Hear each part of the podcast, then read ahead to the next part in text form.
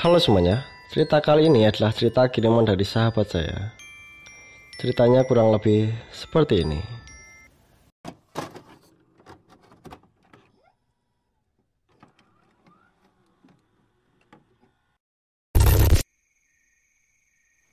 Perkenalkan, namaku Vino. Aku tinggal di kota Solo. Hari ini, aku akan menceritakan pengalaman mistis yang pernah aku alami saat tinggal di rumahku dulu. Kejadian ini terjadi 15 tahun yang lalu. Waktu itu, aku tinggal bertiga di rumah. Cuma aku, bapak sama ibu karena kakak-kakakku pergi merantau ke luar kota dan dulu bapak ibu membuka warteg jadi mereka sering bangun pagi sekitar jam 3 dini hari dan aku sering dibangunin sama ibu sekitar jam 4 dini hari untuk mandi dan bersiap-siap pergi ke sekolah Kejadian pertama kali aku alami waktu itu aku cuma berdua di rumah.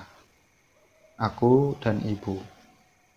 Karena bapak udah berangkat ke pasar untuk belanja keperluan warung. Jam 4 pagi aku dibangunin sama ibu. Vin, bangun Vin, udah jam 4. Cepetan bangun, cepetan mandi. Aku nggak langsung mandi tapi aku nonton TV dulu. Lagi asik nonton TV, kedengeran suara ketukan pintu dari arah depan. Aku cuma noleh ke pintu itu, sambil manggil ibu buat bukain pintu itu. Bu, ada yang ngetuk pintu. Cepet bukain. Tapi ibu yang lagi sibuk masak gak denger suaraku. Aku pun gak peduliin lagi suara itu. Dan lanjut nonton TV lagi. Terus selang beberapa saat, ibu manggil aku. Vin, cepetan mandi. Ya bu, bentar. Aku pun matiin TV. Suara ketukan pintu kedengeran lagi. Aku kaget. Di situ aku mulai penasaran. Tapi mau ngecek aku takut karena sendirian. Dan ruang tamu sama kamar depan lampunya dimatiin. Jadinya gelap. Aku terus lari ke kamar mandi. Buat mandi. Selesai mandi, aku ke ruang tengah mau ganti baju. Tapi aku kaget. Ada sosok hitam di depan pintu kamar depan. Sosoknya kelihatan jelas karena sorotan lampu dari ruang tengah. Dia memakai jubah hitam. Dia duduk jongkok dengan tatapan lurus ke arah ruang tamu. Wajahnya tak nampak karena tertutup jubah. Satu tangannya kelihatan dengan kuku-kuku panjang di jarinya. Dia membawa sebuah sabit. Aku saat itu cuma diam, nggak bisa lari. Seluruh bulu kuduku merinding. Terus aku nutup mata sambil berkata, "Cepat pergi, Jangan ganggu aku. Setelah itu, aku membuka mata. Dia malah nengok ke arahku. Langsung, aku ketakutan. Aku teriak manggil ibu. Bu, bu, bu. Pas ibu datang, sosok itu hilang.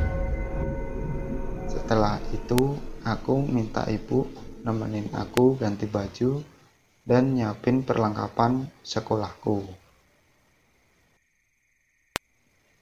Sore harinya, waktu aku, bapak dan ibu lagi ngobrol santai, aku coba ceritain kejadian yang tadi kulihat. Pak, aku tadi pagi lihat sosok hitam duduk jongkok di depan pintu kamar sebelah depan. Tapi bapak cuma bilang, udah, nggak ada apa-apa kok. Aku yang masih penasaran tanya lagi ke bapak. Pak, sebenarnya ada apa sih? Coba cerita. Bapak pun cerita, ya sebenarnya dulu sebelum rumah ini dibangun, di kamar depan sama kamar sebelahnya itu bekas pohon bambu dan ada bekas makam juga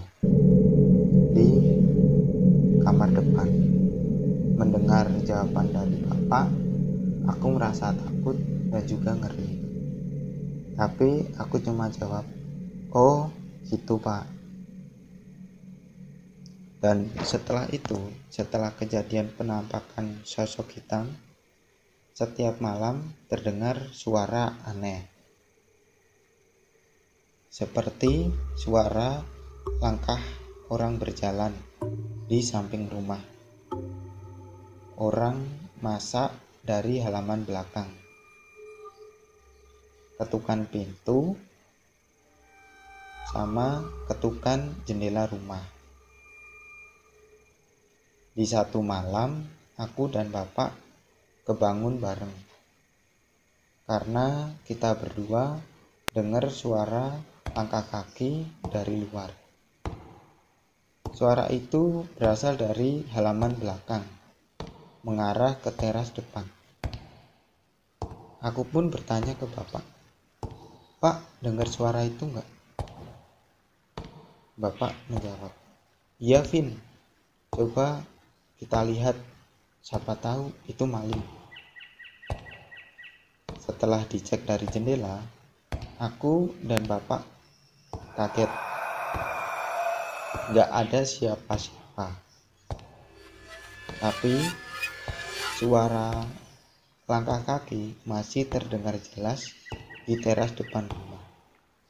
Aku dan bapak ketakutan, lalu kembali ke tempat tidur dan suara itu lama-lama menghilang. Suara-suara masih terdengar di malam hari, tapi aku dan kedua orang tuaku tak menghiraukannya. Beberapa bulan kemudian, kakak-kakakku pulang. Saat semua kumpul, asik mengobrol, aku mulai bercerita kejadian penampakan sosok hitam ke seluruh saudara-saudaraku. Ternyata semua juga mengalami hal mistis di rumah itu. Mungkin segini dulu cerita dariku. Di video selanjutnya, aku akan menceritakan pengalaman mistis yang dialami sama anggota keluarga.